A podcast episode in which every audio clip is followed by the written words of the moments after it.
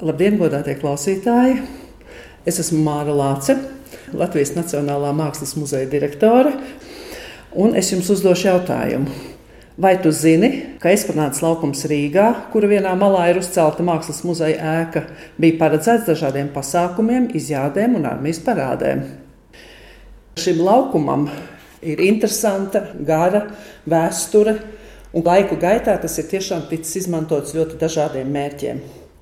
Viduslaikos esplanādes vietā ir atradies Kubiskalns, kas tika norakts laikā no 1783. līdz 1784. gadam pēc Krievijas militārās administrācijas pavēles. Jāsaka, kā ir, mēs varam tikai brīnīties, kāpēc tas nebija noticis agrāk. Jo kalns, būdams nedaudz augstāks par Rīgas nocietinājumiem, uzbrucējiem bija ideāla vieta, lai pārskatītu un vieglāk ieņemtu pilsētu. Ar noraktā kubas kalnu smiltīm aizpildīja Daugavas senās attekas, uzbēra ceļus, bet izveidojušos klajumu izmantoja Rīgas garnizona karaspēka apmācībām un parādēm.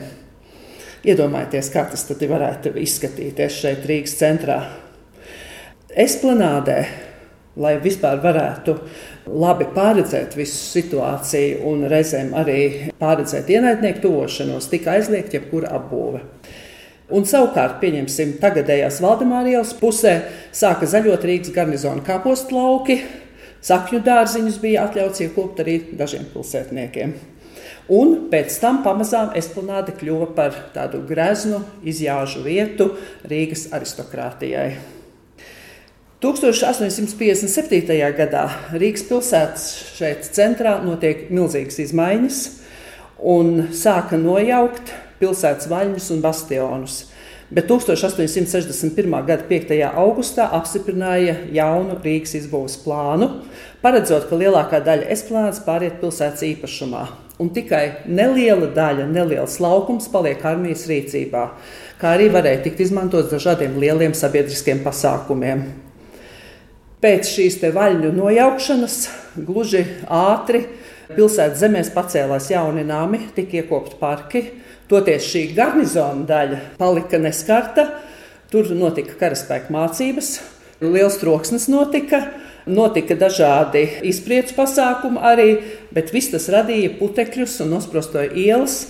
Un šādā visai iedzīvotājiem nedraudzīgā vidē veidotā esplanāde palika līdz 1878. gadam, kad tās rīdzinieku apkārtējo iedzīvotāju sūdzības bija kļuvušas tik uzstājīgas par pastāvīgo troksni un putekļiem, ka pilsētas valde atļāva tur rīkot vienīgi karaspēka parādus, baznīcas svētkus un vēl dažus lielus notikumus. Bet pirmie apstādījumi esplanādē tika ierīkoti ap 1884. gadu pie tagadējās brīvības ielas tajā pusē. Pēc tam, kad tika pabeigta arhitekta Roberta Flūga projektētā maistātiskā neobizantiskā stilā celtā Kristus piedzimšanas pareizticīgo katedrāle, kas bija kā atļautā pirmā celtne šajā esplanādes laukumā, kam 20. gadsimta sākumā sekoja divas nākamās celtnes - tātad Rīgas Biržas komercskolas ēka, tagadējā Mākslas akadēmijas celtne un Rīgas pilsētas mākslas muzejs.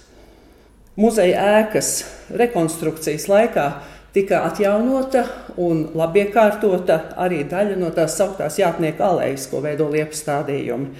Un domājot nākotnē par esplanādes laukumu kā vienu no centrālajām pilsētas rekreācijas zonām, noteikti būtu jāveic visu laukuma eh, labiekārtošana, sakārtošana, pilnībā atjaunojot arī Jātnieku aleju, kas patiešām ir ļoti skaists pilsētas apstādījuma veidojums pilsētas centrā.